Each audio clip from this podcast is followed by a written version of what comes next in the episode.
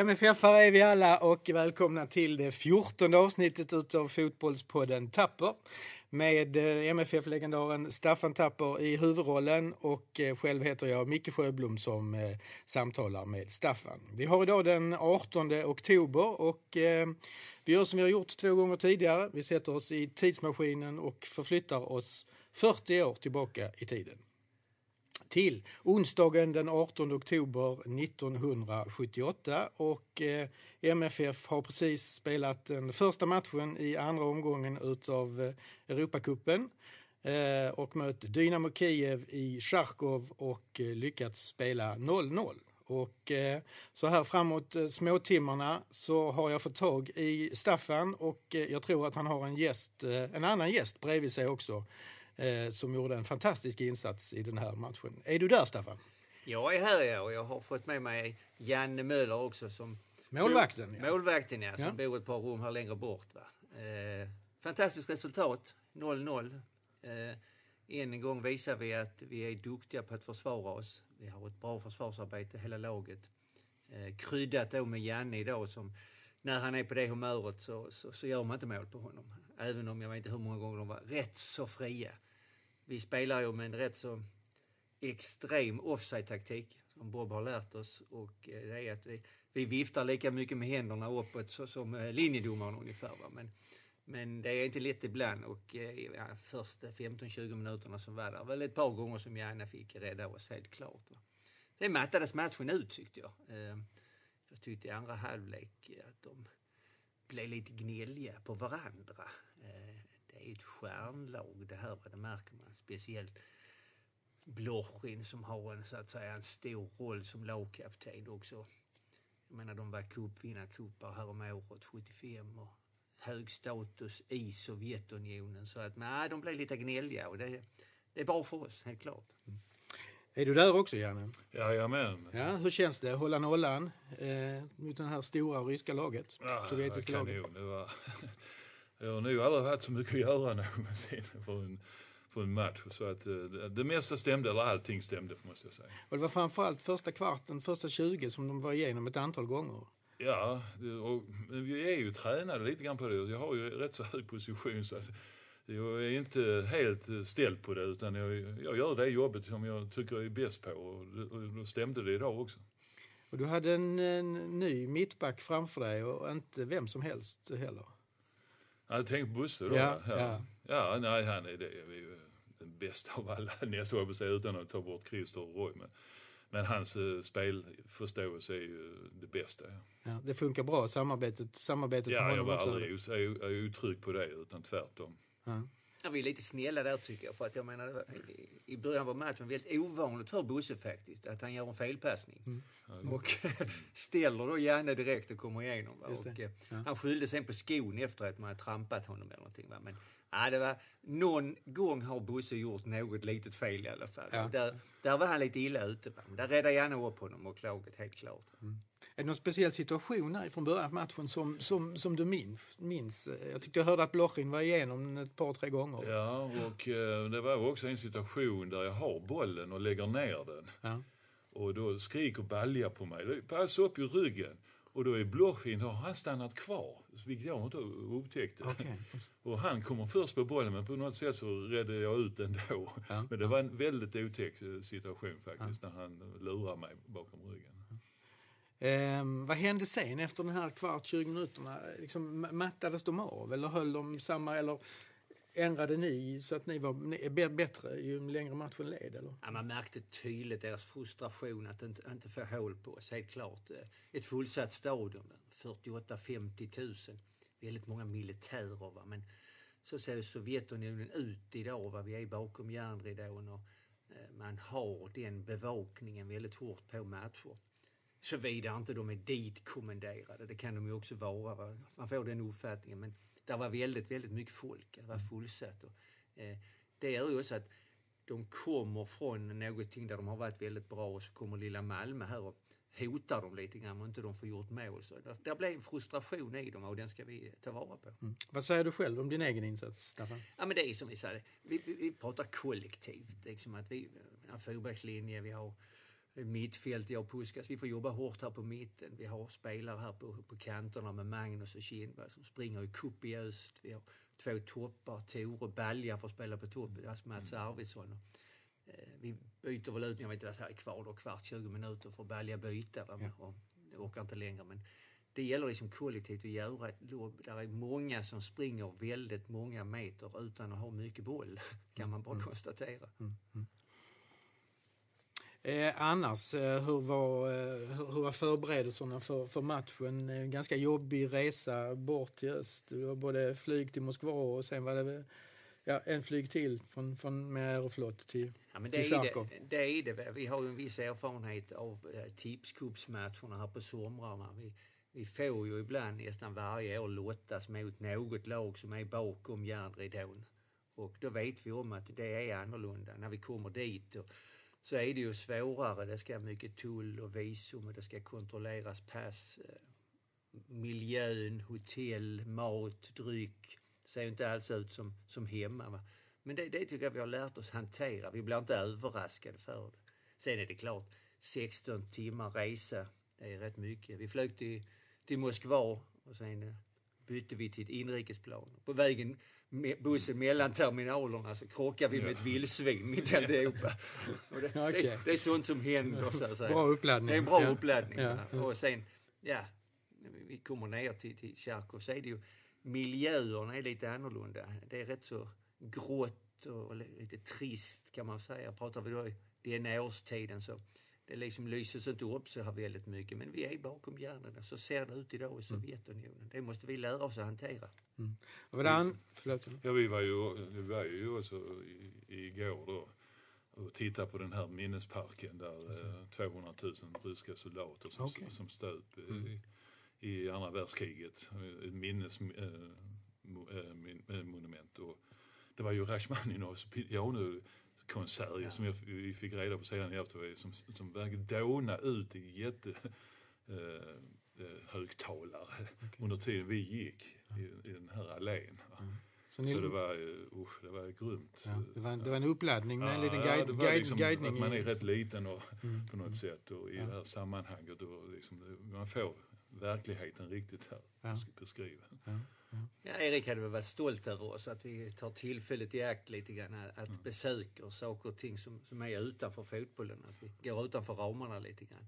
Eh, detta området i världskriget just där stod ju ett av de absolut största pansarslagen, alltså slaget vid Kursk. Vi pratar alltså 10 000 stridsvagnar på tre fyra dagar som blir förstörda. Eh, man nämner ju gärna i kriget här Stalingrad men de här pansarslagen kom att vara direkt avgörande för krigets utgång. Själva Stalingrad var förlorad så att säga för tyskarna men när de sen gick till motoffensiv igen och det blev stoppade här så här stod väldigt avgörande moment i kriget.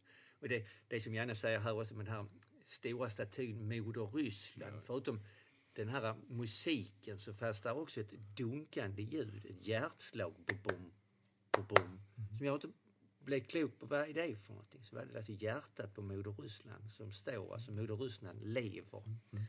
Och det har inte varit så gammalt, jag tror det invigdes bara för ett par år sedan, 1977, så det har inte stått här så länge. Men en fantastisk upplevelse, bra mm, uppladdning. Mm, mm. En bra uppladdning, ja. ja. Annars, bra uppladdning, är det, hur, hur, hur lever livet på hotellet? Man, man gör en sån här resa, vem, vem bor, vem bor ni? Vem, vem bor ni med? Liksom? För ni bor två och två i, i rummen eller på hotellen? Eller? Hur, hur, funkar det? Ja. ja, jag bor ju med Arne då, res, äh, ja. vår reservkeeper Arne ja. Åkesson. Så att vi, vi, snackar, vi är ju samma språk. Ja. vi, ja. Vi, nej, vi trivs jättebra ihop och han stöttar mig till 100 procent, mer än så. 100 procent. Det största problemet vi hade den resan var ju att Christer inte var med. Just det. Och då fick ju Bosse en ny lagkamrat, eller sovkamrat så att mm. säga. Och han var egentligen van vid mig i så fall från, från VM, både 74 och 78. Men eh, eh, Claes Malmberg bodde med honom. Jag bodde med Tore. Så att, eh, ja, han är ju en vanlig människa, Bosse, va? men det hade väl gått det också. Det är inte så många dagar. Va? Men annars är ju Christer och Bosse har ju bott i alla år tillsammans när det gäller MFF. Det är som, och så Roy och Roland. Det är Humle och Dumle brukar vi kalla dem lite grann. Så, så det går inte att bryta. Bob försökte ju faktiskt bryta det när han kom hit. Han eh, tyckte liksom att, eh, Så inte det fanns där lite gäng eller grupperingar. Så att de första åren och matcherna så sa han till ungefär att nej, jag vill blanda upp det lite grann. Så Staffan bor med den och Christer med den. Och han märkte på sig att vi brydde oss inte om vem vi bodde med. Alltså vi, vem jag bor med har ingen betydelse. Så det gick bara en, ja, kanske ett par månader. Så sa nu kan du flytta tillbaka igen. Han märkte att det hade ingen betydelse. Men det, det var ändå ett sätt för honom att markera att han var uppmärksam på det. Så att det var inga problem för oss. Det är som du, nu vi sitter här på ett rum efter matchen och eh, normalt så träffas vi alltid på ett rum efteråt, grabbarna. Sen eh, kanske vi tar en pilsner, men vi träffas där gärna. Och det är oftast på Christer och Busses rum, att eh, som lagkapten och äldre spelare, att nu sitter ni inte själva utan nu samlas vi på ett ställe. Mm. Och eh, den traditionen lever kvar. Så att, eh, jag tycker det är väldigt bra också att unga spelare kommer väldigt lätt in. Det är inte någon som sitter själv någonstans utan bara in med dem. Och kanske speciellt här då i Sovjetunionen, här är ingenting att göra. Mm. Då får man träffas och prata lite efter matchen. För det är rätt svårt att gå och lägga sig så här direkt efteråt. Mm. Nu har vi haft bankett också med, med ryssarna. Ja. Och, eh, de vill gärna visa upp sig och fint och bra. Prominenta gäster var det också en gammal målvaktskollega till dig dök upp igen. Ja, Lev Yashin. Jag satt ju mitt emot honom och det var ju ytterligare underbar eh, ja, tillfälle att komma ihåg det här, mm. liksom, att man har sin idol framför sig. och så kan man inte prata med honom. han kunde inte, han kunde, det gick inte att prata med honom. Nej, nej, nej tyvärr inte. Men uh, vi får se vi kan jag, får, men jag kan få komma över till honom och få träna med honom någon gång. Ja. Ja. Du minns Yashin? Ja, men det gör jag. jag Yashin, jag menar träna med honom. Janne har ingenting att lära sig av, av Yashin. Alltså. Janne är målvakt. Ja, men han tog faktiskt, jag läste någonstans, han har tagit 150 straffar. Ja, men det har jag också sett. Han det är, Så att där är han. Ja, ja. ja, ja. där, där kommer jag inte ihåg. Ja, men du är på god väg. Jag vet inte. Men... tog ju fem stycken här, eller fyra, mot Magdeburg. Ja, just det. Året, så, så att, ja, vi är ju på gång. Ja, precis. Ja. Nej, vi, får inte, vi får inte orsaka straffar bara. Nej, nej, just det. Ja, men För den sakens skull en stor hjälte i Sovjetunionen. Mm. Så de har gärna det här uttrycket, Sovjets hjältar. Mm. Det blir man i militär eller mm. idrott så får man en hiskeles massa medaljer. Det mm. har ju han också fått. Men annars 58 är ju den här biten, alltså när tvn kom till, till Sverige, när tvn slog igenom i, i folkhemmet i Sverige och man såg Sverige gå till final men bland annat i kvartsfinal så slår vi ut just Sovjetunionen. Mm. Och eh, Yashin, det jag kommer ihåg som målvakt är att ibland när han fångade bollen och la sig ner så, så låg han med huvudet ner länge. Va? Man tyckte liksom, res dig upp, liksom, ligg inte där. Va? Men så tittade han så omkring så inte där vann någon och så reste han sig. Det var liksom en, en viss gimmick han hade att han ja. skulle göra på det viset. Ja. Så att, ja, en fantastisk person. Ja, en fantastisk legendar, ja. verkligen. Sen är det ju det här med eh, Sovjeten och ryssarna, de är ju speciella med banketterna. När vi kom ner på banketten så så sitter de för sig och vi satt för oss själva. Stor jäkla sal där på hotellet. Och serverades fram, sattes fram stora litersflaskor med vatten på bordet till dricka. Tills vi kom underfund med att det var inte vatten utan det var vodka allihopa. Och lite typiskt ryskt också. De dricker inte vodka ur snapsglas som vi gör utan de dricker ur dricksglas. Så att, eh, ja, där fick väl våra ledare hålla i eh, tömmarna lite grann, så att det blev lugnt och sansat. Eh, det här med uppladdning, Jan, jag ska bara fråga. Det, det, det sägs och ryktas att du, du laddar upp genom att läsa, läsa böcker, en speciell författare. Stämmer det? Eller? Nej, det är en skröna som Bob har är så. okay. Han påstår ju fortfarande att jag läser samma bok ju. Sen han har det, är inte, det är inte Le Carré som är din uh, ja, favoritförfattare? Jo, det är ju... In från kylan? Jo, absolut. Ja. Ja. Spion ska in från kylan. Men uh, där finns andra också. Ja. Ja, det ska vara thriller, det ska vara action och spion. Och Just det. Det, det var ju värre, det var värre för oss andra för att när vi kom alltså, till Moskva och de mm. förtullade oss så tog de all vår litteratur. Alltså. Och då menar jag våra Fantomen-tidningar och inte John le Carré. Tullarna var mer intresserade av Fantomen-tidningar. Ja, ja, okay. Det var samma sak här på, jag hörde med de yngre spelarna, Kindvall och de här på rummet sidan om. De hade haft besök av polis som letade efter lite folk och, som försökte rymma och så vidare. Vad de trodde att de letade efter, att de skulle ha material med sig och sälja någonting. Men det var det inte. Utan, men det är rätt så otäckt ändå mm. i de här bakom järnridån attityderna. Man säger ingenting, man bara går in och mm. rotar upp lite grann. Sen går man igen bara. Mm. Man får liksom en sån här liten känsla, skönt att komma hem kanske. Annars är väl ni, ni två, Staffan och Janne, ni två, ni, ni tävlar om eh, vem som är längst i, i laget. För där, där är, får du bli tvåa, Staffan? Ja, det, det blir jag. Klar tvåa tror jag. Ja, tror klar tvåa också. Ja, men jag är väl 1,89-1,90. Jag tror Janne är 194 någonting. Ja. Just nu är jag två meter. Känner mig så.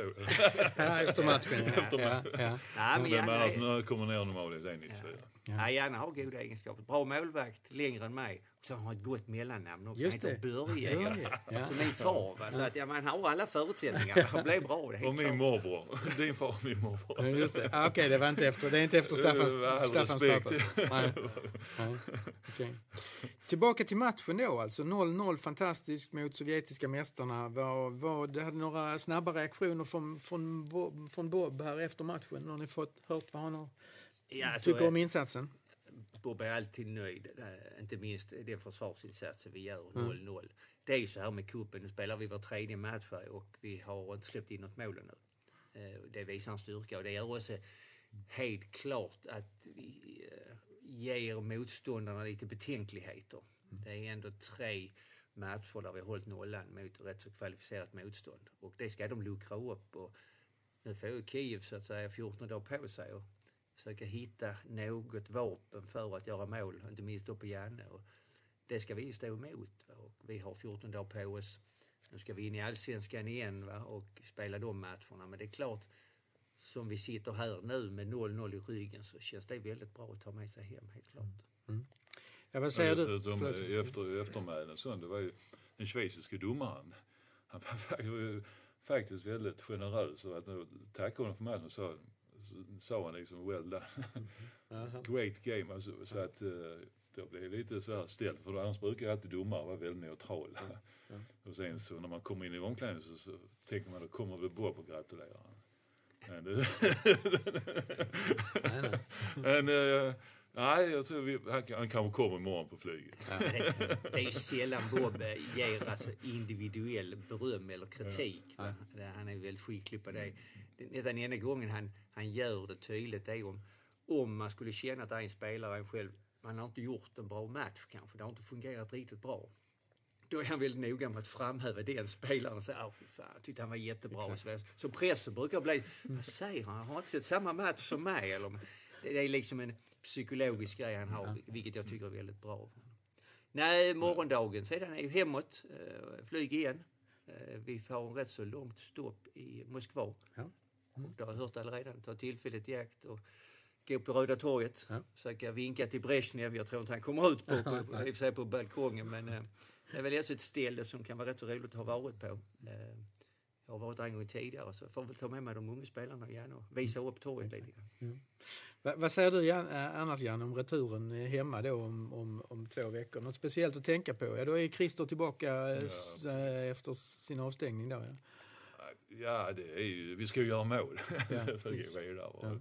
och det är ju, vi såg vi var, vi hade 0-0, Monaco borta, vi har 0-0 här. Kanske vi kan ha en liten chans i alla fall att göra ett mål framåt. Så Att, eh, Vi är med i allra högsta grad och försöker göra, ta ett avancemang här. I alla fall göra en bra match, så får vi se. Ja. Vad säger du Staffan? Vad är det att tänka på på Ja. returen här nu om två veckor?